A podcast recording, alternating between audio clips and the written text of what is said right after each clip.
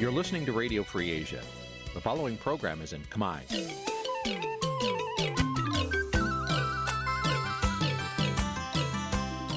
នេះជាកម្មវិធីផ្សាយ Vuthu Azizi Serai នេះជាកម្មវិធីផ្សាយរបស់ Vuthu Azizi Serai ជាភាសាខ្មែរ Vuthu Azizi Serai សូមស្វាគមន៍លោកអ្នកនាងទាំងអស់ពីរដ្ឋធានី Washington នៃសហរដ្ឋអាមេរិក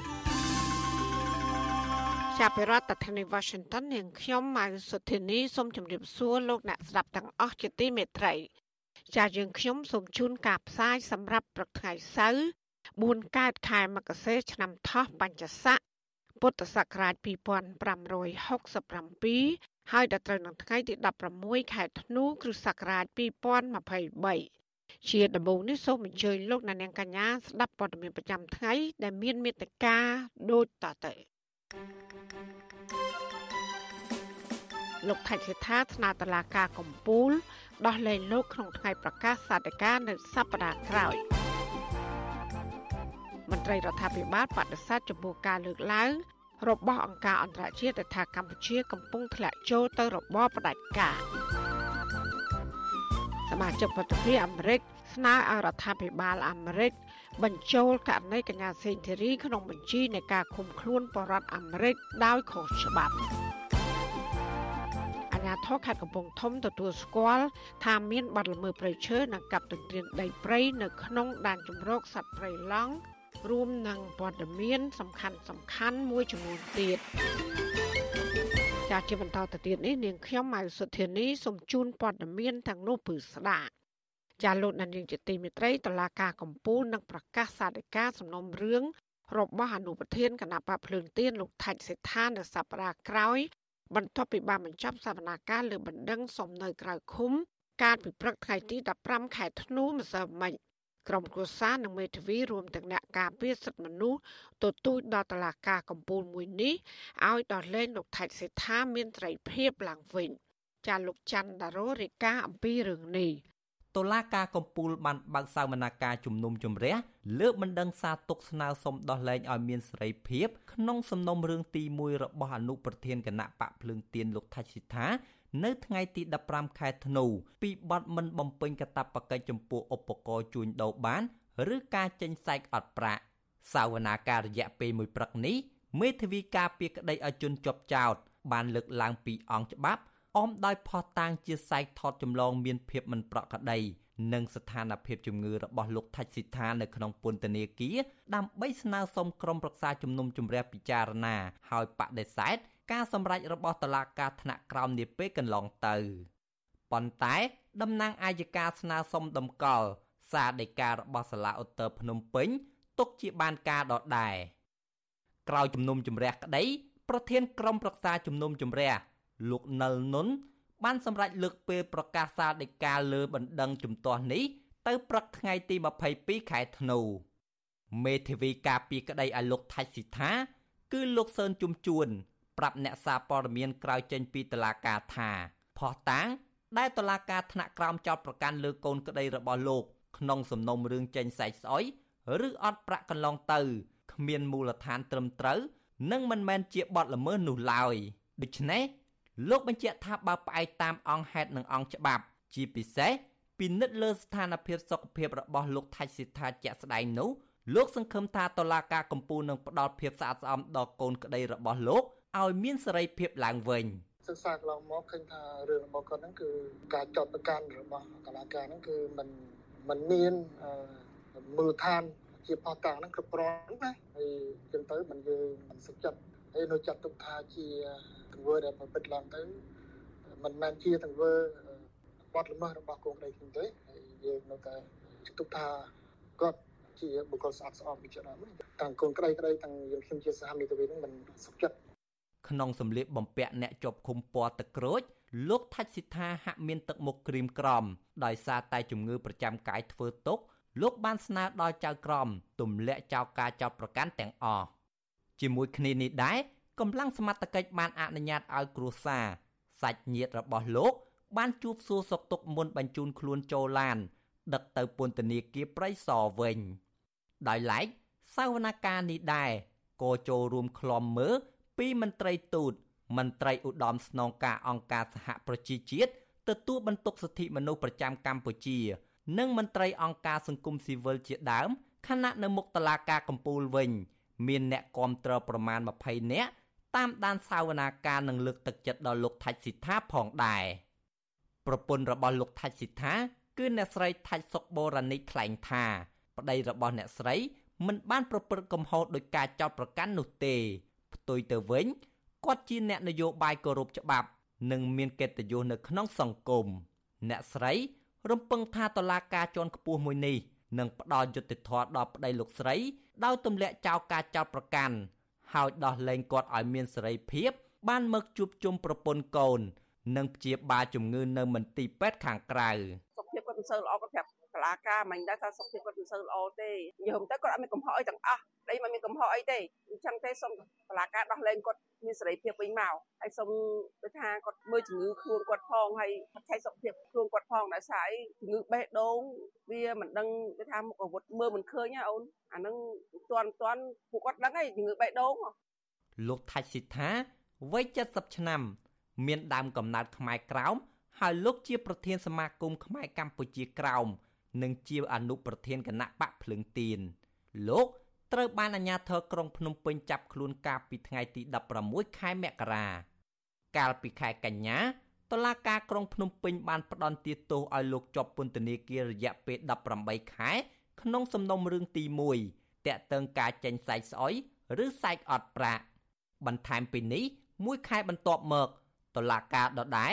បានផ្តន្ទាទោសលោកថៃសិដ្ឋាដាក់ពន្ធនាគារ3ឆ្នាំបន្ថែមទៀតក្នុងសំណុំរឿងថ្មីពីរផ្សេងទៀតពីបទញុះញង់បង្កឲ្យមានភាពវឹកវរធ្ងន់ធ្ងរដល់សន្តិសុខសង្គមនិងញុះញង់ឲ្យមានការរើសអើងពូជសាសន៍តាក់ទងលោកនិយាយពីប្រវត្តិគណៈបកប្រជាជនកម្ពុជា ស្តុបមិត្តភាពកម្ពុជាវៀតណាម និងប្រវត្តិ7មករា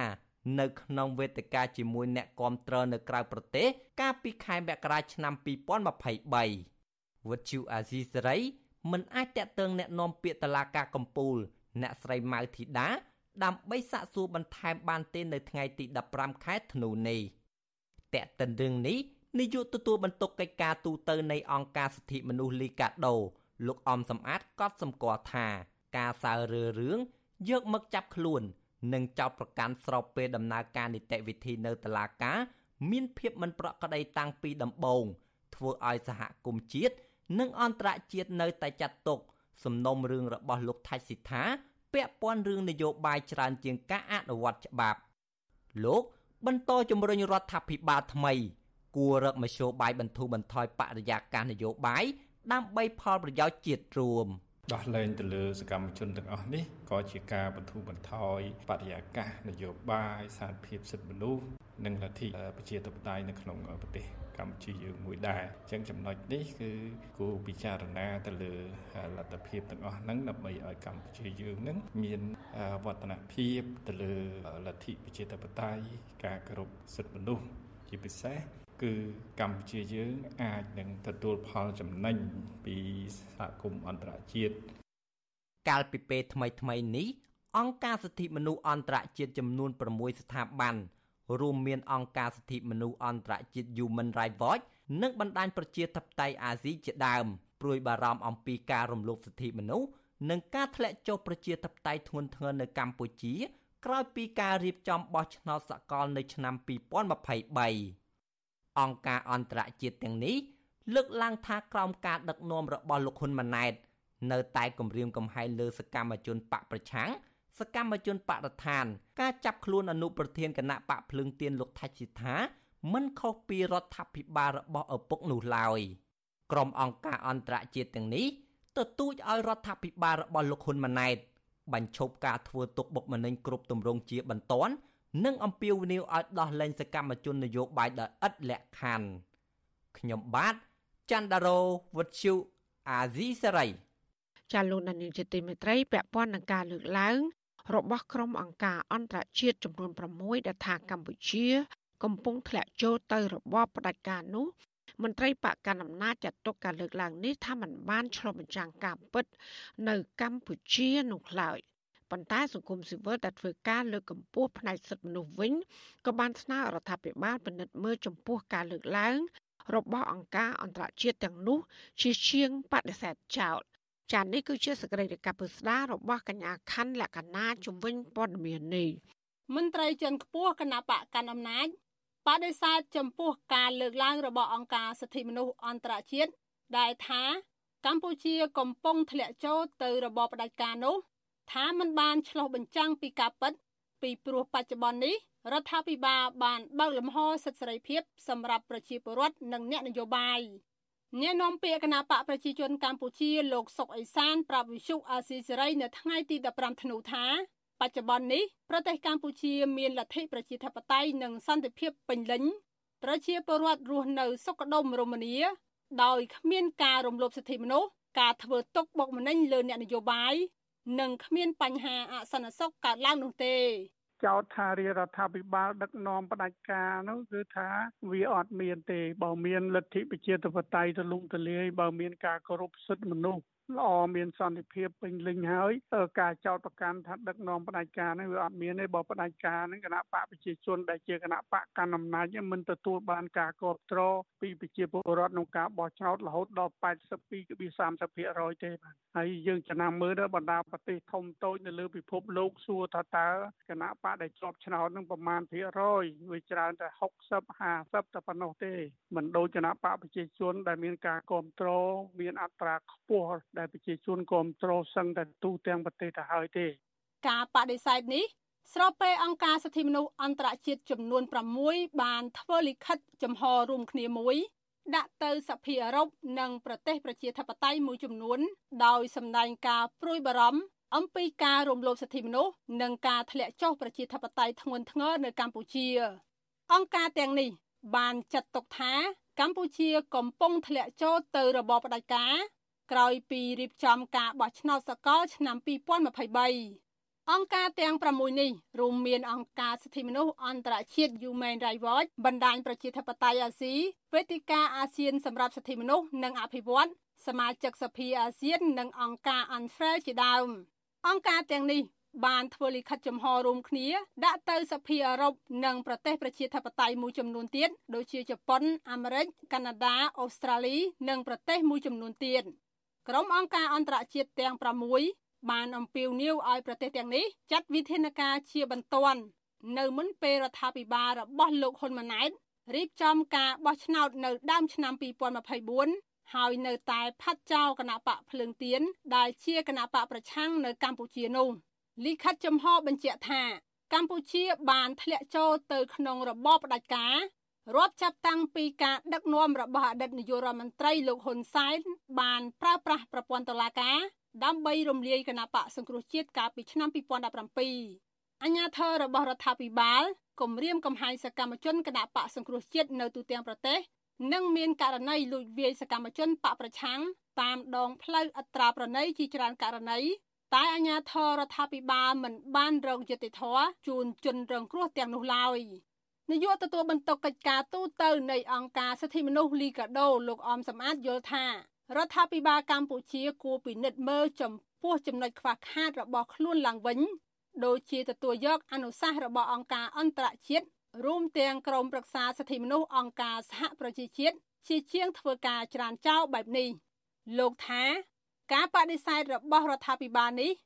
នឹងធ្វើឲ្យកម្ពុជាបាត់បង់អត្ថប្រយោជន៍ផ្សេងៗបន្ថែមទៀត ក្រៅពីប្រព័ន្ធអនុគ្រោះពន្ធ20%ពីអឺរ៉ុបនិងប្រព័ន្ធ GSP ពីសហរដ្ឋអាមេរិកគណៈសហគមន៍អន្តរជាតិនៅតែបន្តជំរុញឲ្យរដ្ឋាភិបាលកម្ពុជា ស្ដារលទ្ធិប្រជាធិបតេយ្យនិងការគោរពសិទ្ធិមនុស្សឡើងវិញអញ្ចឹងនឹងវាជាផលមិនល្អសម្រាប់កម្ពុជាយើងណាហើយមួយទៀតបើកម្ពុជាយើងពិនិត្យហើយនឹងធ្វើការកែលម្អទីមួយកម្ពុជាមានមុខមាត់បន្ថែមទៀត គេឈ្មោះបន្ថែមទៀតសម្រាប់កម្ពុជានៅលើឆាកអន្តរជាតិទី2អាចនឹងទទួលបានផលចំណេញផ្សេងផ្សេងហើយតកតងនឹងការវិនិយោគផ្សេងផ្សេងទៀតពីបណ្ដាប្រទេសលោកសេរីណាបាទពីព្រោះបើសិនជាលក្ខខណ្ឌដែលគេរិះគន់អំពីសន្តិភាពប្រតិភិតៃនិងការគោរពសិទ្ធិមនុស្សមិនទាន់មានភាពអបអរសាអានឹងក៏វាប៉ះពាល់សម្រាប់វិនិយោគទុនទៅលើប្រទេសបណ្ដាប្រទេសលោកខាងលិចហ្នឹងគេនឹងពិចារណារឿងនឹងផងដែរបាទ នៅពេលកូនប្រុសលោកហ៊ុនសែនគឺលោកនាយករដ្ឋមន្ត្រីហ៊ុនម៉ាណែតឡើងកាន់អំណាចបន្តនោះលោកគ្មានអ្វីផ្លាស់ប្ដូររបៀបនៃការដឹកនាំឡើយរដ្ឋបាលដឹកនាំរបស់លោកហ៊ុនម៉ាណែតនៅតែគម្រាមកំហែងសកម្មជនបកប្រឆាំងសកម្មជនបរិស្ថាន ចាប់ខ្លួនអនុប្រធានគណៈបកភ្លើងទៀនលោកថៃស៊ីថានិងនៅតែមានករណីប្រើអំពើហិង្សាលួចវាយសកម្មជនតាមដងផ្លូវគ្មានត្រាប្រណី មិនខុសពីរដ្ឋបាលដឹកនាំរបស់ឪពុកនោះឡើយក្រុមអង្គការសិទ្ធិមនុស្សអន្តរជាតិទាំង6នេះក៏ទទូចឲ្យរដ្ឋបាលរបស់លោកហ៊ុនម៉ាណែតបញ្ឈប់ការធ្វើទុកបុកម្នេញគ្រប់ទម្រង់ជាបន្ទាន់និងអំពាវនាវឲ្យដោះលែងសកម្មជននយោបាយដោយឥតលក្ខខណ្ឌពួកគេក៏បានអំពាវនាវឲ្យរដ្ឋាភិបាលកម្ពុជា បើកឲ្យរៀបចំការបោះឆ្នោតប្រសិទ្ធភាពនៅឆ្នាំ2024ដោយសេរីនិងត្រឹមត្រូវ ខ្ញុំខណ្ឌលក្ខណាវិសុអាស៊ីសេរីចាលោកនាងកញ្ញាជាទីមេត្រីដំណើរគ្នានឹងស្ដាប់ការផ្សាយរបស់វិទ្យុអស៊ីសេរីតាមបណ្ដាញសង្គម Facebook YouTube និង Telegram លោកនាងក៏អាចស្ដាប់ការផ្សាយរបស់យើងតាមរយៈរលក ធាតុអាកាសខ្លីឬ Shortwave តាមកម្រិតនិងកម្ពស់ដូចតទៅចាប់ពីព្រឹកចាប់ពីម៉ោង5កន្លះដល់ម៉ោង6កន្លះ តាមរយៈប៉ុស SW 93.90 MHz ស្មើនឹងកម្ពស់ 32m និងប៉ុស SW 11.85 MHz ស្មើនឹងកម្ពស់ 25m ចាសម្រាប់ពេលយប់វិញ គឺចាប់ពីម៉ោង7កន្លះដល់ម៉ោង8កន្លះគឺតាមរយៈប៉ុស SW 93.30 MHz ស្មើនឹងកម្ពស់ 32m ប៉ុស SW 11.88 MHz ស្មើនឹងកម្ពស់ 25m និងប៉ុស SW 15.15 MHz ស្មើនឹងកម្ពស់ 20m ចាសសូមអរគុណ ចាលោកនាយកទីមេត្រីសមាជិកប្រសិទ្ធិរបស់អាមេរិកមួយចំនួនស្នើដល់រដ្ឋមន្ត្រីការបរទេសអាមេរិកឲ្យបញ្ចុះសំណុំរឿងកញ្ញាសេងធីរីក្នុងសំណុំរឿងការឃុំខ្លួនបរដ្ឋអាមេរិកខុសច្បាប់និងជំរុញរដ្ឋាភិបាលកម្ពុជាដោះលែងកញ្ញាសេងធីរី និងអ្នកទោសមនសិការទាំងអស់ការស្នើសុំរបស់សមាជិកប្រតិភិនេះគឺចំថ្ងៃដែលកញ្ញាសេងធីរីឡើងសវនាការនៅសាលាអូតូនាពេលកន្លងទៅថ្មីថ្មីនេះ និងអំឡុងពេលដែលកញ្ញាធ្វើកតកម្មបង្អត់អាហារចាលោកសេកបណ្ឌិតរាយការណ៍ព័ត៌មាននេះសមាជិកព្រឹទ្ធសភាអាមេរិកលោកអេតម៉ាគីនិងសមាជិកព្រឹទ្ធសភា17រូបផ្សេងទៀតកាលពីថ្ងៃទី13ខែធ្នូ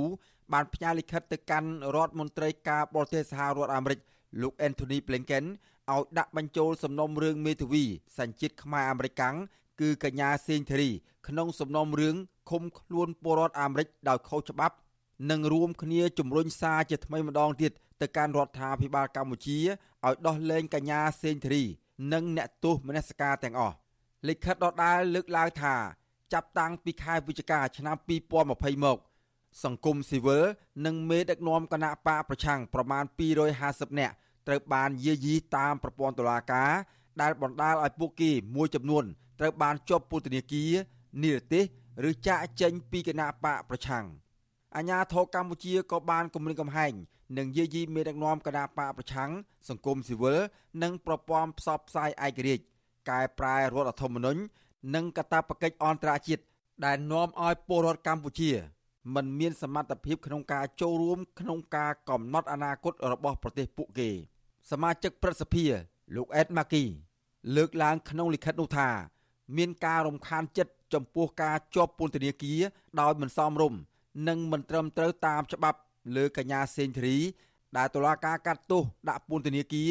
រយៈពេល6ឆ្នាំដោយគ្មានកំហុសព្រោះតែបង្ហោះសារនៅលើបណ្ដាញសង្គម Facebook រិះគន់លោកហ៊ុនសែននិងការជំរុញឲ្យលោកសំរងស៊ីវិលចូលប្រទេសកម្ពុជាវិញលោកអេតម៉ាគីបន្តថាដោយសារមានការផ្លាស់ប្តូររដ្ឋាភិបាលថ្មី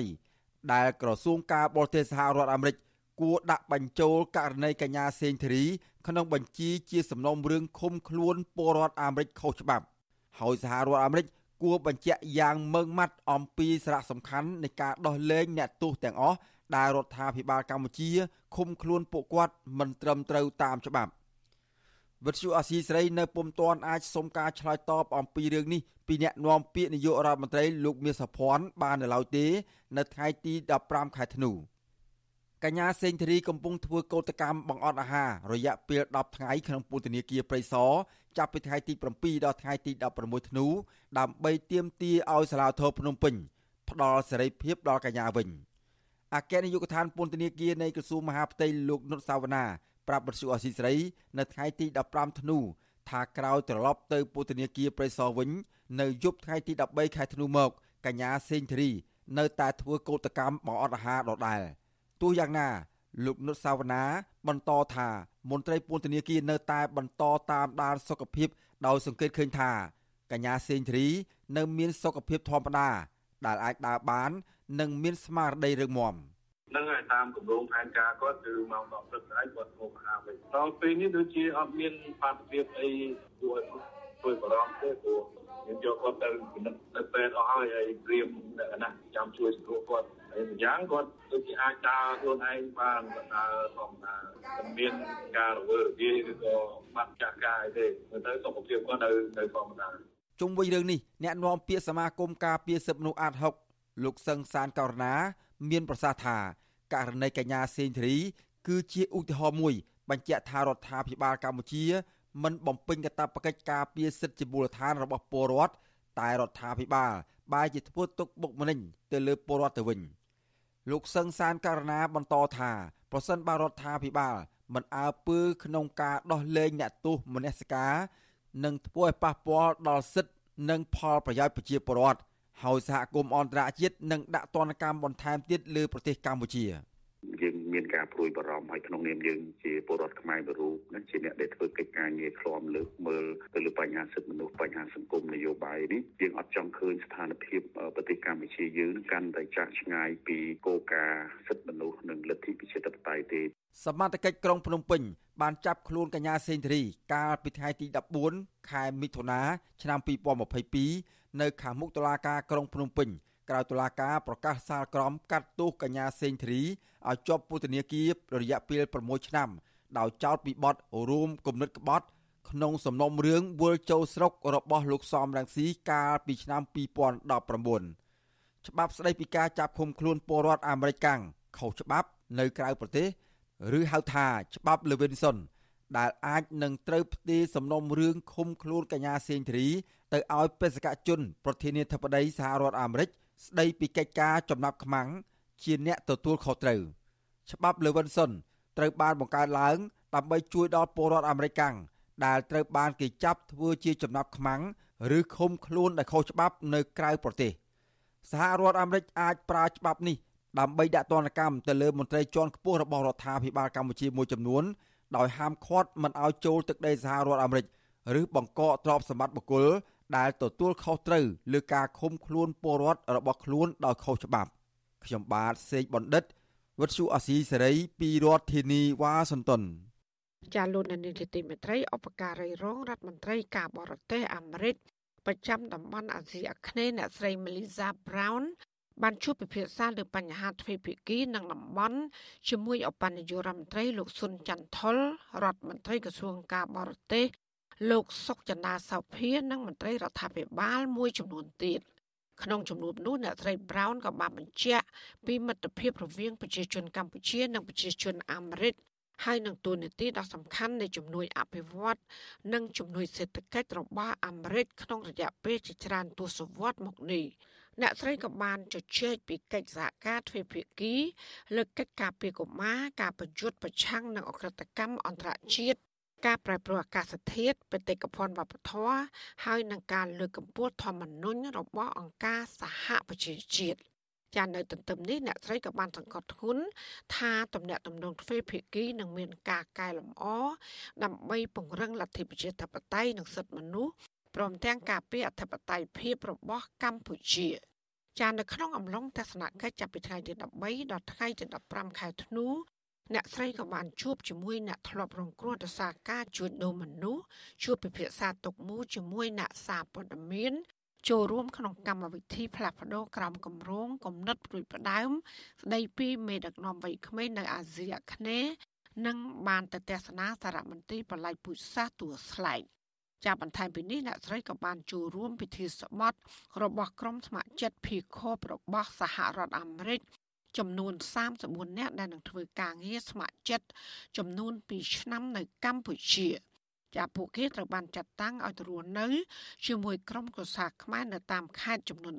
12ដើម្បីផ្ដល់ការអប់រំផ្នែកភាសាអង់គ្លេសនៅសាលាបឋមសិក្សានិងវិទ្យាល័យចាលោកអ្នកស្ដាប់ជទិមេត្រីប្រជាប្រដ្ឋខ្មែររស់នៅប្រទេសជប៉ុនអះអាងថាលោកហ៊ុនម៉ាណែត គឺជាមេដឹកនាំអសមត្ថភាព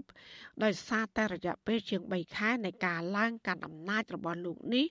គឺมันបានជួយដោះស្រាយទុកលំបាកបរដ្ឋហើយនឹងដោះលែងអ្នកទោសនយោបាយឲ្យមានត្រីភាពនោះខ្លាចការលើកឡើងនេះបន្ទាប់ពីលោកហ៊ុនម៉ាណែតបានធ្វើដំណើរទៅដល់ប្រទេសជប៉ុន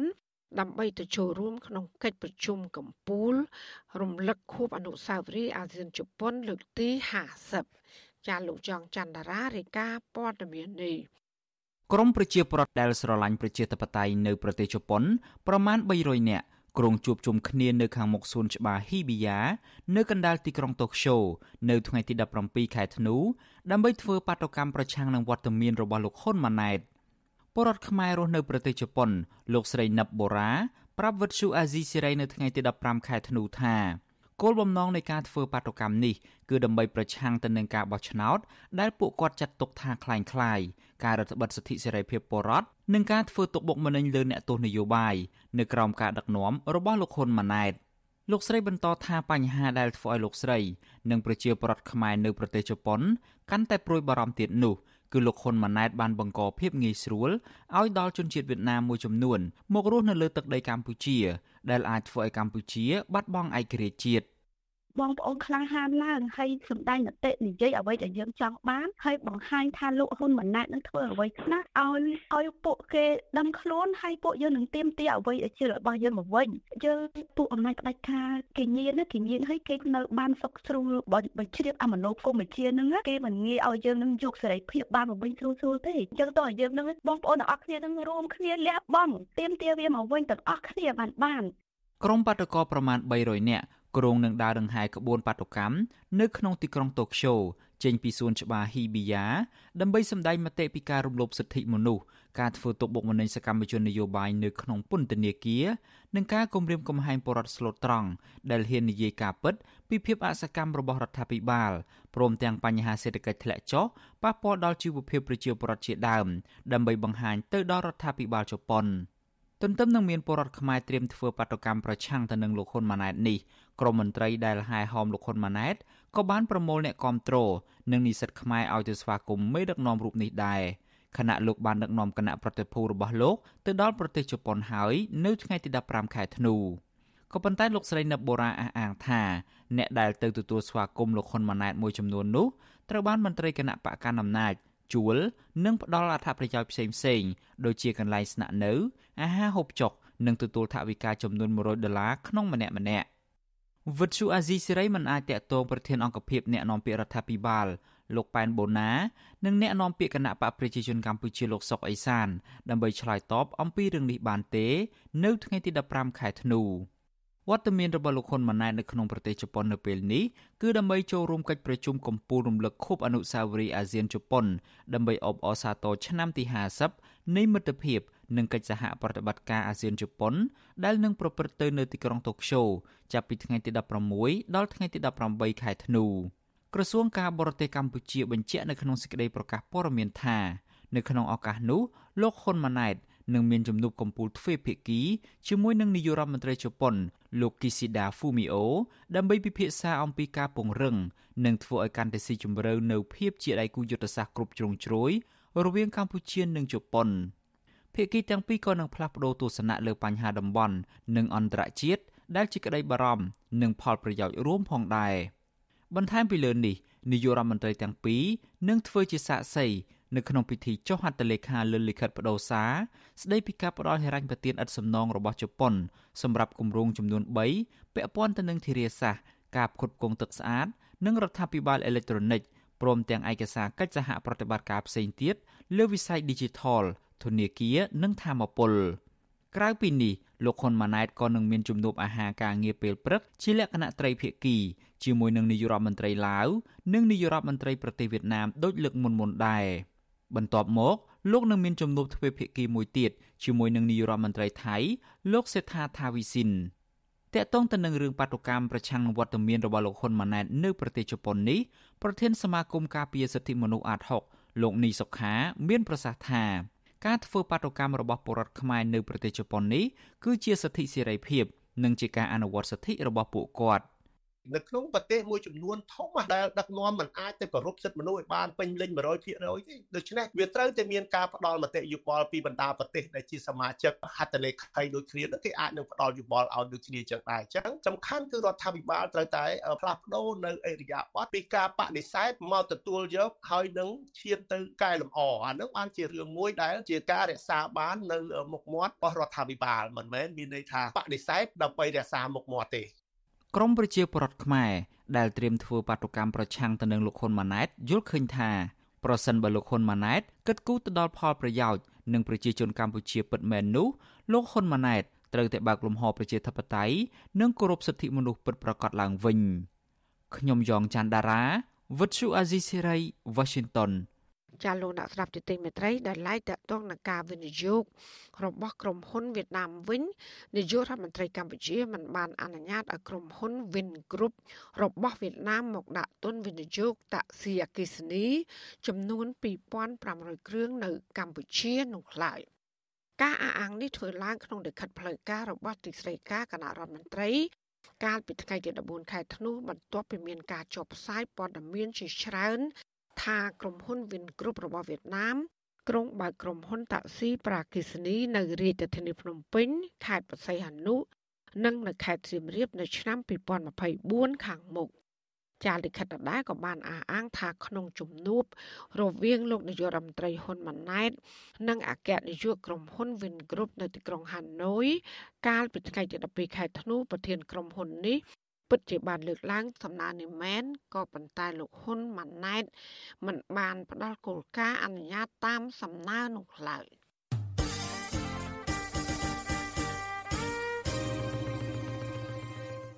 ចាលោកនាងជាទីមេត្រីដំណឹងដាច់ដライតាក់ទងនឹងមន្ត្រីគណៈបកភ្លើងទៀនវិញមន្ត្រីបកភ្លើងទៀន6រូបត្រូវបានតឡាការដោះលែងចេញពីពន្ធនាគារក្រោយតែពួកគេសរសេរលិខិតសុំទោស និងយល់ព្រមចូលរួមជីវភាពនយោបាយជាមួយគណៈបកកណ្ដាលអំណាចបន្ទាប់ពីជាប់ឃុំឃាំងអស់រយៈពេលជាង4ខែមន្ត្រីសង្គមស៊ីវិលថាសកម្មភាពនេះកំពុងបង្ហាញពីភាពលំអៀងនិងអយុត្តិធម៌ដោយសារតែតម្រូវឲ្យអ្នកជាប់ឃុំសំទោសនិងចោះចូលដើម្បីបដូរយកសេរីភាព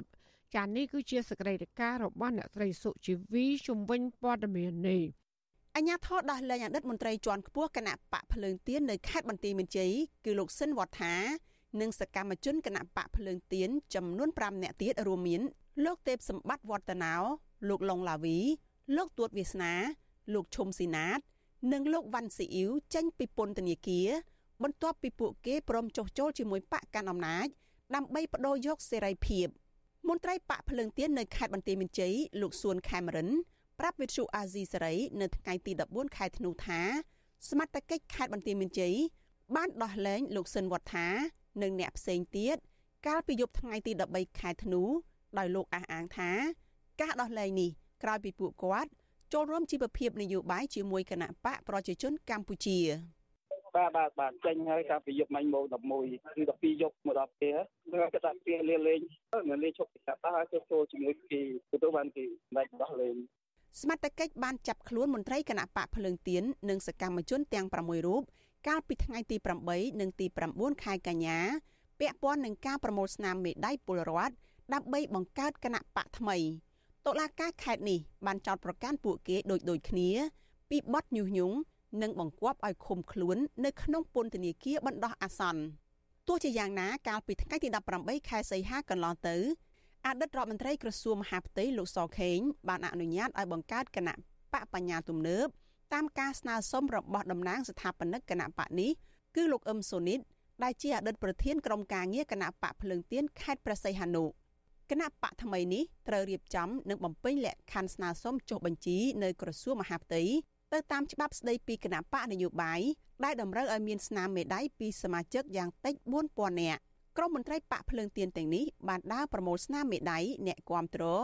តាមតម្រូវការរបស់ក្រសួងមហាផ្ទៃប៉ុន្តែពួកគេបែរជាត្រូវសមត្ថកិច្ចនិងតុលាការចោទប្រកាន់ទៅវិញជុំវិញរឿងនេះអ្នកនាំពាក្យសមាគមការពារសិទ្ធិមនុស្សអាត6លោកសឹងសែនករណាយល់ឃើញថាករណីនេះហាក់បញ្ជាក់ឲ្យឃើញ ពីអាញាធរលំអៀងក្នុងការអនុវត្តច្បាប់ព្រោះការដោះលែងអ្នកនយោបាយបកប្រឆាំងនៅថ្នាក់មូលដ្ឋាននេះបន្ទាប់ពីមានការចុះចូលនយោបាយ ជាថ្នូរនឹងការដោះលែងឲ្យមានសេរីភាពដោយមិនបានផ្អែកលើភាពយុត្តិធម៌និងច្បាប់នោះឡើយ។ ចឹងហើយបានជាមានរងការរិះគន់ហើយទាំងសង្គមស៊ីវិលទាំងមតិអន្តរជាតិគេចាត់ទុកថាការធ្វើទុកបុកម្នេញផ្នែកច្បាប់ទៅលើសកម្មជននយោបាយទាំងអស់ហ្នឹងគឺជាករណីនយោបាយមិនមែនជាករណីអនុវត្តច្បាប់ទេបើសិនជាករណីអនុវត្តច្បាប់ក្នុងសំណុំរឿងតែមួយវាក៏បីមានការគិតគូរដើម្បីផ្ដល់នូវសេរីភាពស្មើគ្នាណាចំពោះមុខច្បាប់មិនមែនថាអ្នកនឹងគាត់ចុះចូលហើយបានរួចខ្លួនហើយអ្នកមិនចុះចូលគាត់ត្រូវតែមានទោសទណ្ឌបន្តអញ្ចឹងទេ ការចាប់ខ្លួនមន្ត្រីគណៈបកប្រឆាំងដាក់ពន្ធនាគារនិងលួងលោមឲ្យពួកគេសរសេរលិខិតឬក៏ថតវីដេអូសុំទោសបានคล้ายជាមធ្យោបាយឬជាល្បិចថ្មីមួយ របស់គណៈបកប្រជាជនកម្ពុជា ដែលអាចធ្វើឲ្យមន្ត្រីគណៈបកប្រឆាំងអះអាងទទួលថាខ្លួនមានកំហុសនិងងាកទៅចូលរួមជីវភាពនយោបាយជាមួយនឹងគណៈបករបស់ខ្លួនដើម្បីបដូរយកសេរីភាពឬទទួលបានមុខតំណែងទួនាទីណាមួយនៅក្នុងជួររដ្ឋាភិបាល។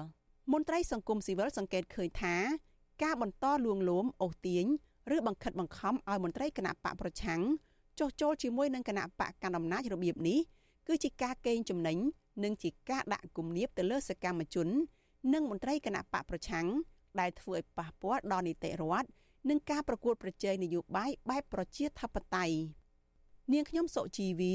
Vithu Azizi Serai ពីរដ្ឋធានី Washington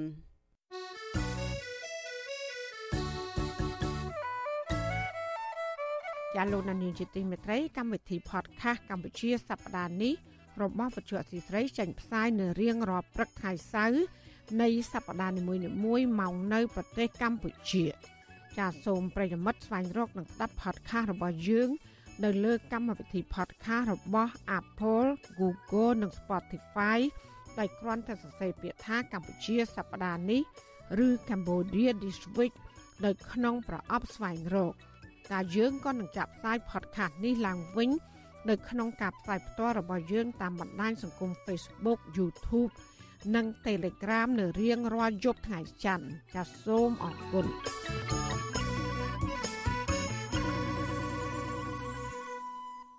ចាលោកនានីជាទីមេត្រីនៅឯខេត្តកំពង់ធំឯនោះវិញអាជ្ញាធរពាក់ព័ន្ធនៅខេត្តនេះទទួលស្គាល់ថានៅក្នុងដែនជំរកសត្វព្រៃឡង់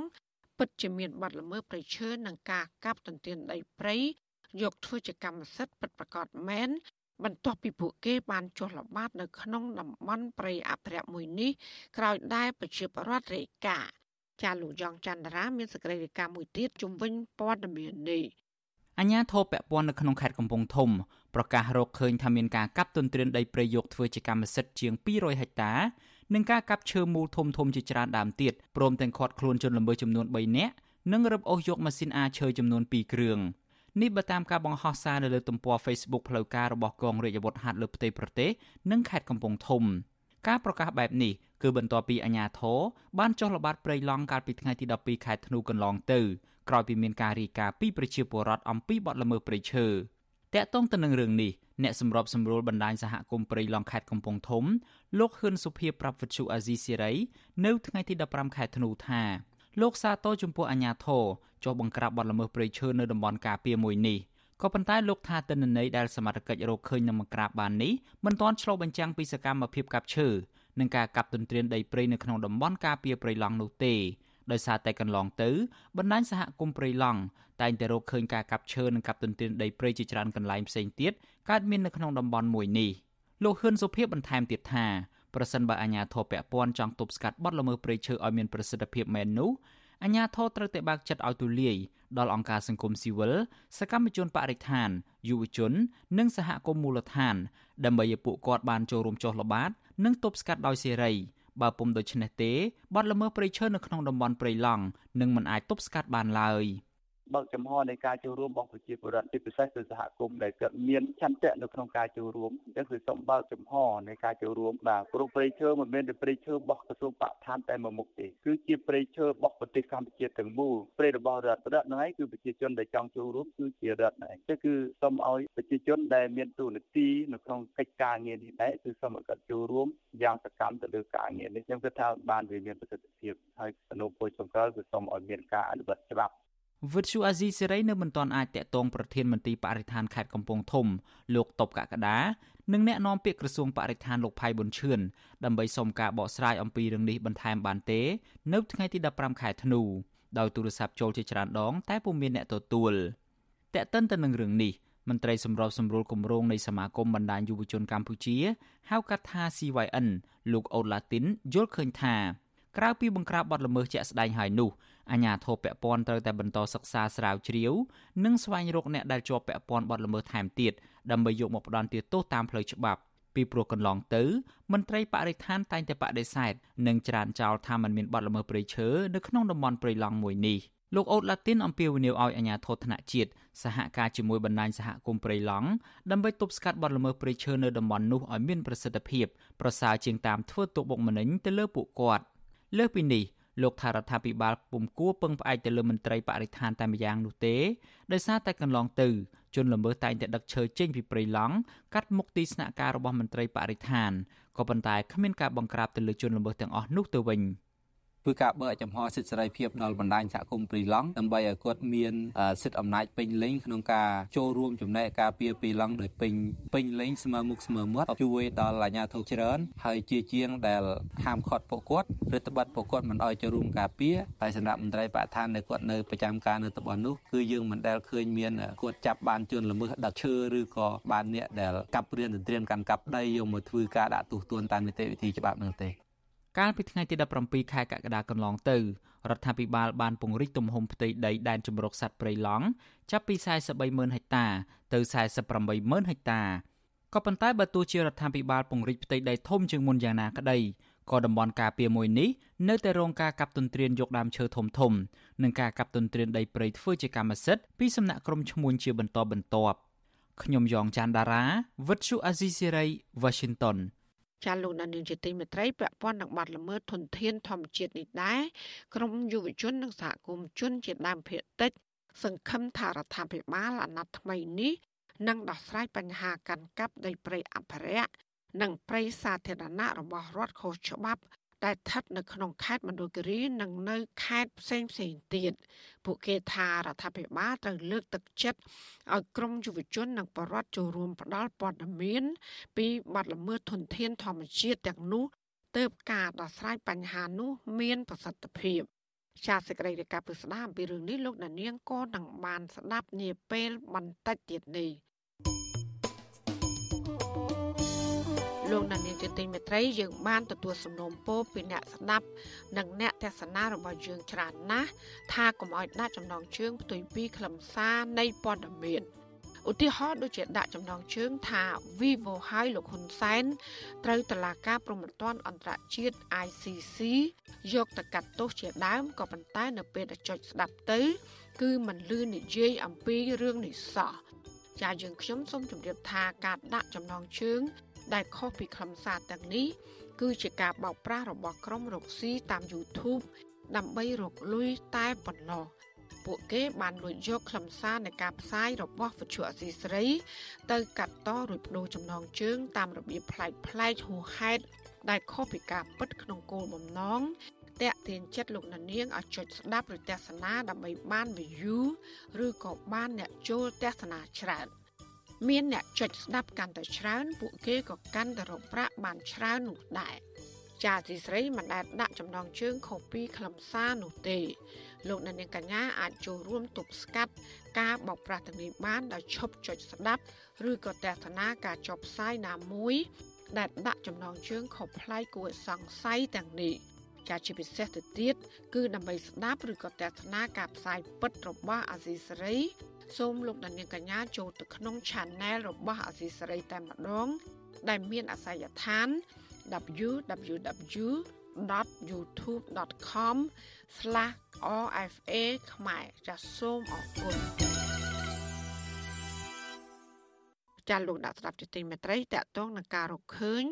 ការកាប់ផ្ដួលរំលំដើមឈើធំធំ នៅឯព្រៃប្រះរកានោះ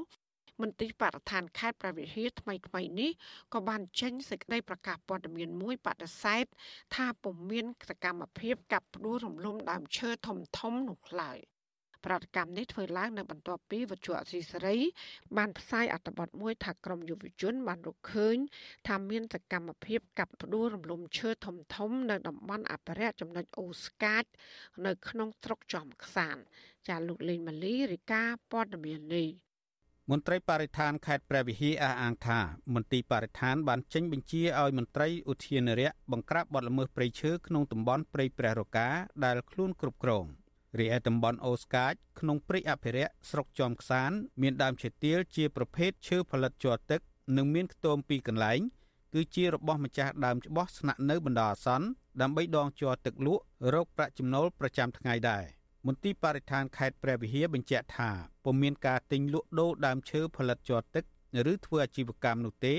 មានតែពលរដ្ឋរស់នៅក្បែរតំបន់ព្រៃព្រះរកាលួចអាឈើធ្វើលំនៅឋាន និងលក់ដូរតិចតួចឆ្លើយតបការបកស្រាយនេះសកម្មជនសិទ្ធិមនុស្សនិងបរិស្ថាន លោកម៉ាចិត្រាយល់ថា មន្ត្រីបរិស្ថានខេត្តព្រះវិហារខ្វះការទទួលខុសត្រូវ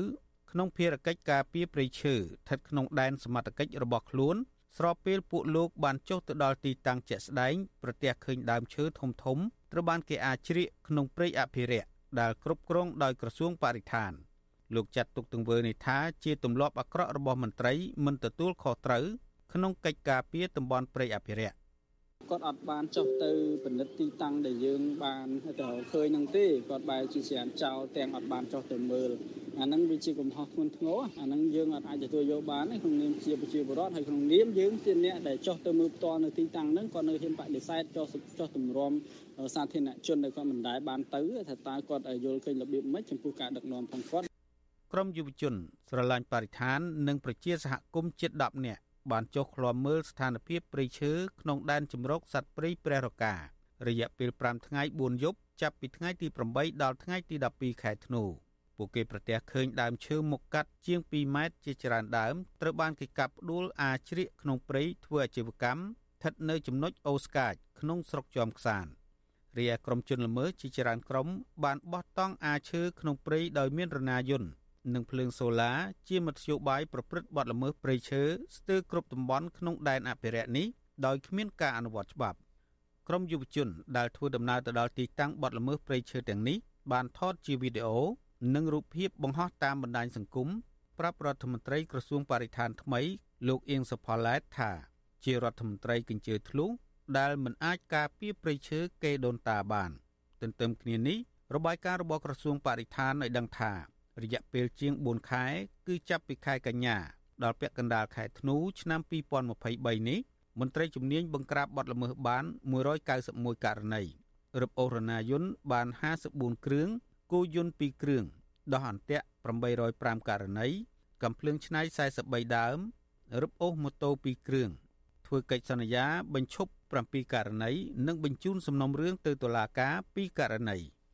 ខ្ញុំបាទលេងម៉ាលីវិទ្យុអស៊ីសេរីវ៉ាស៊ីនតោនាលោកដានីជាទីមេត្រីក្នុងឱកាសនេះដែរនាងខ្ញុំសូមថ្លែងអំណរគុណដល់លោកដានីកញ្ញាទាំងអស់ដែលតែងតែមានភក្ដីភាពចំពោះការផ្សាយរបស់យើងហើយចាត់ទុកការស្ដាប់វិទ្យុអសីសេរីគឺជាផ្នែកមួយនៃសកម្មភាពប្រចាំថ្ងៃរបស់លោកអ្នកការគ្រប់គ្រងរបស់លោកដានៀងនេះហើយដែលធ្វើយើងខ្ញុំមានទឹកចិត្តកាន់តែខ្លាំងថែមទៀត ក្នុងការស្វែងរកនិងផ្តល់ព័ត៌មានជូនដល់លោកដានៀងចាំមានអ្នកស្ដាប់អ្នកទស្សនាកាន់តែច្រើនកាន់តែធ្វើយើងខ្ញុំមានភាពស្វាហាប់មោះមុតជាបន្តទៀតចាយើងខ្ញុំសូមអរគុណទុកជាមុនហើយក៏សូមអញ្ជើញលោកដានៀងកញ្ញាចូលរួមជំរុញឲ្យសកម្មភាពផ្ដល់ព័ត៌មានរបស់យើងនេះកាន់តែជោគជ័យបន្ថែមទៀតលោកដានៀងអាចជួយយើងខ្ញុំបាន ដោយគ្រាន់តែចុចចែករំលែកឬ share ការផ្សាយរបស់យើងនេះនៅលើបណ្ដាញសង្គម Facebook និង YouTube ទៅកាន់មិត្តភ័ក្តិដើម្បីឲ្យការផ្សាយរបស់យើងនេះបានទៅដល់មនុស្សកាន់តែច្រើនចាសសូមអរគុណចាលោកអ្នកស្ដាប់ទតិមេត្រីក្រមយុវជននិងសហគមន៍ជនជាតិដើមភាគតិច សង្ឃឹមថារដ្ឋាភិបាលអាណត្តិថ្មីនេះ នឹងដោះស្រាយបញ្ហាកាន់កាប់ដីព្រៃអភិរក្សនិងព្រៃសាធារណៈរបស់រដ្ឋខុសច្បាប់ ដែលស្ថិតនៅក្នុងខេត្តមណ្ឌលគិរីនិងខេត្តផ្សេងផ្សេងទៀតពួកគេថារដ្ឋាភិបាលត្រូវលើកទឹកចិត្តឲ្យក្រមយុវជន និងប្រជាប្រដ្ឋចូលរួមផ្តល់ព័ត៌មាន អំពីបទល្មើសធនធានធម្មជាតិចា៎នេះគឺជាសកម្មភាពពុស្ដារបស់លោកសេកបណ្ឌិត ជំវិញព័ត៌មាននេះដូចតទៅ ក្រមយុវជន និងសហគមន៍ជនជាតិដើមភាគតិចអះអាងថាប្រសិនបើរដ្ឋាភិបាលបច្ចុប្បន្ននៅតែមិនអើពើដោះស្រាយបញ្ហានេះឲ្យទាន់ពេលវេលានោះទេ ភ្នំអរិយនិងភ្នំព្រៃស្រោងដែលបន្សល់ទុកចុងក្រោយនេះនឹងបន្តបាត់បង់កាន់តែធ្ងន់ធ្ងរយុវតីរស់នៅរាជធានីភ្នំពេញកញ្ញាសៀមស្រីពេជ្ររតនាប្រាប់បទសុអសីស្រីថាប្រសិនបើរដ្ឋាភិបាល មានឆន្ទៈដោះស្រាយបញ្ហានេះគឺមិនពិបាកទេ ដោយត្រូវបំបត្តិអំពើពុករលួយ និងអនុវត្តច្បាប់ឲ្យមានតម្លាភាពកញ្ញាបន្ថែមថារដ្ឋាភិបាលត្រូវលើកទឹកចិត្តឲ្យក្រមយុវជន និងប្រជាពលរដ្ឋចូលរួមផ្ដល់ព័ត៌មានពីបទល្មើសធនធានធម្មជាតិឲ្យបានទូលំទូលាយទើបការដោះស្រាយបញ្ហានេះមានប្រសិទ្ធភាព។ ការទន្ទ្រានដីព្រៃខុសច្បាប់ហើយមានការកាត់ឲ្យអុកញ៉ាមួយចំនួនតាំងពី2023រហូតដល់2024នេះគឺខ្ញុំចង់ឲ្យរដ្ឋាភិបាលគិតគូរកន្លែងហ្នឹងជាក់ស្ដែងដូចព្រៃឈើនៅពេលដែលមានផ្ដល់ជាកម្មសិទ្ធិឯកជនឲ្យអុកញ៉ាឬក៏អ្នកធំផ្សេងផ្សេងហ្នឹងតែងតែបាត់បង់ទៅលើធនធានធម្មជាតិមានការកម្មផ្លាញណាជាងកន្លែងនេះខ្ញុំមើលឃើញថាវាពិតជាបញ្ហាប្រឈមហើយយើងចង់ឲ្យរដ្ឋាភិបាលគិតគូរហើយបើប្រឈប់ឬក៏មិនគឺយើងចង់ឲ្យអត់មានរឿងហ្នឹងកើតឡើង របាយការណ៍ស្រាវជ្រាវរបស់ជនជាតិដើមភាគតិចភ្នងរកឃើញថា ដីព្រៃសាធារណៈរបស់រដ្ឋទំហំចន្លោះចាប់ពី1000ហិកតាឡើងទៅ ត្រូវបានកាប់បំផ្លាញខ្លាយជីវិលស្ថិតនៅចំណុចស្រែឈូកក្នុងស្រុកកៅសីមា តំបន់វាយងក្នុងស្រុកពេជ្រដា និងចំណុចឃុំរយក្នុងស្រុកកោះញែករីឯដីព្រៃអភិរក្សស្ថិតនៅក្នុងភូមិពលុឃុំប៊ូស្រាយ៉ាងហោចណាស់ជាង2000ហិកតា បានคล้ายជាវាលរហោឋានដែរចំណែកដីព្រៃស្រោងនិងពាក់កណ្ដាលស្រោងស្ថិតនៅក្នុងឃុំប៊ូស្រាស្រុកពេជ្រដានិងដីព្រៃជាច្រើនហិកតាផ្សេងទៀតស្ថិតនៅក្នុងតំបន់ភ្នំរ៉ាដាងត្រូវគេហុំព័ទ្ធនិងឈូសឆាយព្រៃយកធ្វើជាសម្បត្តិបុគ្គលការកាប់ទន្ទ្រានព្រៃទ្រង់ទ្រាយធំនៅរយៈពេលជាង6ឆ្នាំកន្លងមកនេះបង្កផលប៉ះពាល់ដល់ព្រៃអាស្រ័យផលរបស់ជនជាតិដើមភាគតិច ជំរកសត្វព្រៃនិងកន្លែងគោរពជំនឿប្រពៃណីរបស់ពួកគាត់ជុំវិញរឿងនេះប្រជាសហគមន៍ជនជាតិដើមភាគតិចខេត្តមណ្ឌលគិរីលោកប៊ូរ៉េតកំពី សង្កេតឃើញថាព្រៃស្រោងនិងព្រៃដែលជនជាតិដើមភាគតិចអាស្រ័យផលស្ទើរគ្រប់តំបន់ត្រូវក្រុមអ្នកមានលុយមានអំណាច និងមន្ត្រីខលខូចធ្វើរបងពាត់យកនិងឈូសឆាយឲ្យคล้ายទៅជាវាលរហោឋាន បង្កើតឲ្យមានចំនួនដីធ្លីជាមួយនឹងក្រុមជនជាតិដើមភាគតិច។លោកថានៅពេលដែលព្រៃស្រោងត្រូវហុំព័ទ្ធគេហាមមិនឲ្យប្រជាពលរដ្ឋចេញចូលហើយក្រោយមកគេខុបខិតធ្វើប្លង់រឹងឬប្លង់កម្មសិទ្ធិគ្រប់គ្រងផ្ដាច់មុខតែម្ដង មន្ត្រីទាំងអស់ហ្នឹងគួរតែធ្វើគំរូល្អជូនប្រជាពលរដ្ឋឆ្លួយត្រង់គួរតែបញ្ឈប់ក្នុងការរំលោភយកដីរដ្ឋការហុំព័ទ្ធយកដីរដ្ឋអញ្ចឹងខ្ញុំឃើញដូចជាអុកញ៉ាមួយចំនួនដីព្រៃឈើក្រាស់ខ្មឹកដែលជាសម្បត្តិរបស់រដ្ឋជាសម្បត្តិរដ្ឋជាតិហើយហុំពាត់រាប់រយហិកតាព្រៃឈើក្រាស់ខ្មឹកចេញប្លង់រឹងអញ្ចឹងមិនដឹងច្បាប់ភូមិបាលហ្នឹងយ៉ាងម៉េចទេខ្ញុំអត់យល់លោកបូរ៉េតកម្ពីថាលោកស្នើសុំឲ្យរដ្ឋាភិបាល ពិនិត្យលើរឿងនេះនិងដកហូតដីព្រៃដែលមន្ត្រីខលខូចទន្ទ្រានយកខុសច្បាប់នោះមកដាក់ជាសម្បត្តិរដ្ឋវិញ មួយផ្លូវទៅប៊ូស្រាហ្នឹងមិនឃើញគេដាក់ផ្គល់លបងដែរគេដាក់ខ្សែលោតដែរហើយយើងមើលពីក្រៅទៅគឺដូចជាអាក្រក់មើលមែនតើតំបន់ព្រៃឈើហើយដែលជាសម្បត្តិសាធារណៈបរតត្រូវគេបានបានគេហុំព័ទ្ធតែកន្លងមកទៅអ្នកធំធ្វើបានតាមអំពើចិត្តអញ្ចឹងស្នើសុំឲ្យរដ្ឋាភិបាលថ្មីគួរតែអនុវត្តច្បាប់ឲ្យបានតឹងរឹងកុំឲ្យពួកអុកញ៉ាឬក៏មហាសេដ្ឋីទាំងអស់ហ្នឹងម្នាក់ម្នាក់រំលោភយកដីរដ្ឋរាប់រយរាប់ពាន់ហិកតាក្នុងម្នាក់ម្នាក់វិទ្យុអសីសេរីនៅពុំទាន់អាចតាក់ទងសុំការបំភ្លឺអំពីរឿងនេះ ពីអ្នកនាំពាក្យសាលាខេត្តមណ្ឌលគិរីលោកនាងវណ្ណៈបាននៅឡើយទេនៅថ្ងៃទី15ខែធ្នូដោយទូរស័ព្ទហៅចូលតែពុំមានអ្នកទទួលរីឯអភិបាលខេត្តមណ្ឌលគិរីលោកថងសាវុនក៏មិនទាន់អាចសុំការបំភ្លឺបានដែរនៅថ្ងៃដដែលនេះ ចំណែកអ្នកនាំពាក្យគណៈបកប្រជាជនកម្ពុជា លោកសុកអេសាន មានប្រសាសន៍ថារដ្ឋាភិបាល បានយកចិត្តទុកដាក់ការពារធនធានធម្មជាតិនិងដីសាធារណៈរបស់រដ្ឋ ប្រសិនបើមន្ត្រីធំធំណាក្តីឲ្យតែប្រព្រឹត្តបទល្មើសនិងត្រូវអនុវត្តតាមច្បាប់លោកថាកន្លងទៅ មន្ត្រីធំធំមួយចំនួន ដែលរំលោភយកដីព្រៃខុសច្បាប់ត្រូវដកពីតំណែង និងចាប់ដាក់ពន្ធនាគារ មិនប្រជាពលរដ្ឋសាមញ្ញទេដែលមានវិធានការហ្នឹងពលរដ្ឋក៏យើងទប់ស្កាត់ហើយមន្ត្រីរាជការដែលមានឋានន្តរស័ក្តិហ្នឹងក៏យើងទប់ស្កាត់កន្លងទៅនេះមានថ្នាក់រដ្ឋលេខាធិការអនុរដ្ឋលេខាធិការដែលទៅយកព្រៃនោះស្នេហ៍រាប់រយហិកតាម្នាក់ម្នាក់ហ្នឹងគឺត្រូវដកពីតំណែងហើយចាប់ដាក់គុកទៀតអានឹងពួកឯងមើលមើលអរិយប្រវត្តិហ្នឹងទៅមិនមែនបានស្អីតារារដ្ឋាភិបាលលោកបង្ើចចន្ទើទេមន្ត្រីសម្របសម្រួលសមាគមអាត6ខេត្តមណ្ឌលគិរី លោកប៊ីវ៉ានីសង្កេតឃើញថាអំពើពុករលួយ និងការអនុវត្តច្បាប់ធូររលុងគឺជាមូលហេតុធ្វើឲ្យការកាប់ទុនទានដីព្រៃនៅតែបន្តកើតមានដដែលលោកថាជនជាតិដើមភាគតិចមានទម្លាប់រស់នៅតំបន់ព្រៃភ្នំ ដែលពួកគាត់ចាត់ទុកថាព្រៃឈើជាអាយុជីវិត ប្រភពសេដ្ឋកិច្ចនិងចម្រុកវប្បធម៌ប្រពៃណីរបស់អ្នកភូមិ អ្នកមានលុយគាត់ដើររកស៊ីតាមរបៀបហ្នឹងគឺមានន័យថាមុននឹងគាត់ធ្វើអញ្ចឹងបានគឺមានវិមានការពាក់ព័ន្ធជាមួយនឹងមន្ត្រីអាជ្ញាធរថ្នាក់ខេត្តក៏ដូចជាមានមន្ត្រីថ្នាក់ជាតិមួយចំនួនទៅ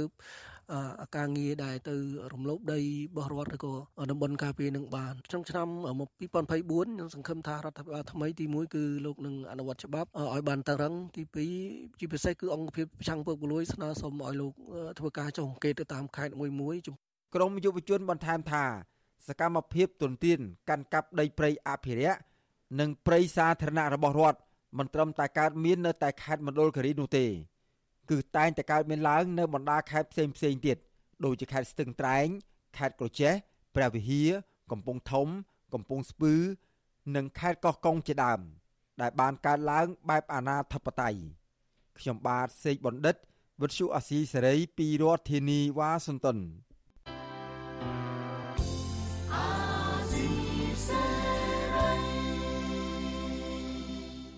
ចាលោកលានកញ្ញាអ្នកស្ដាប់ជាទីមេត្រីការផ្សាយរយៈពេល1ម៉ោងរបស់វិទ្យុអាស៊ីស្រីជាភាសាខ្មែរនៅពេលនេះចាប់តែប៉ុណ្ណេះចាយើងខ្ញុំទាំងអស់គ្នាសូមជូនពរលោកនាងនិងក្រុមគ្រួសារទាំងអស់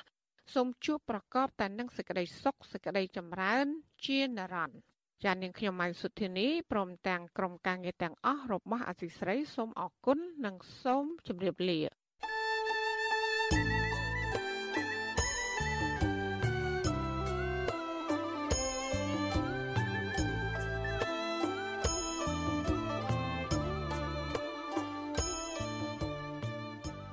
ទ្យុអេស៊ីសរ៉ៃផ្សាយតាមរលក ធារកាសខ្លីតាមកម្រិត និងកម្ពស់ដូចតទៅនេះ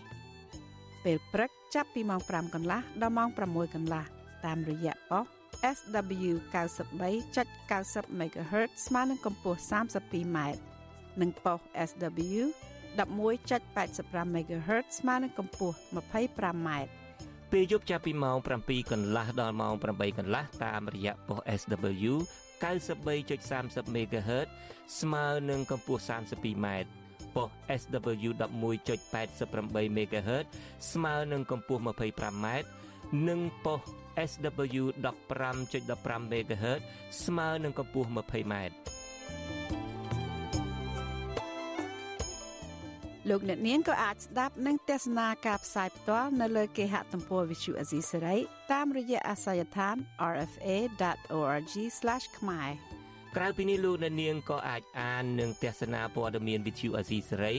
លើទូរស័ព្ទដៃរបស់លោកអ្នកនាងផ្ទាល់ សូមអញ្ជើញលោកអ្នកនាងដំឡើងកម្មវិធី Visual Asia សេរីនៅលើទូរស័ព្ទដៃរបស់លោកអ្នកនាងឬស្វែងរក Visual Asia សេរីនៅលើ YouTube ឬ Facebook ដោយស្វែងរកពាក្យថា Visual Asia សេរីឬ RFA ខ្មែរសូមលោកអ្នកនាងចុច like follow និងចុច subscribe ដើម្បីទទួលបានព័ត៌មានថ្មីៗតាមហេតុការណ៍និងទស្សនាវីដេអូផ្សេងៗទៀតបានគ្រប់ពេលវេលា យើងខ្ញុំសូមជូនពរដល់លោកអ្នកនាងព្រមទាំងក្រុមគ្រួសារទាំងអស់ឲ្យជួបប្រកបតែនឹងសេចក្តីសុខសេចក្តីចម្រើនរុងរឿងកុំបីឃ្លៀងឃ្លាតឡើយ thank you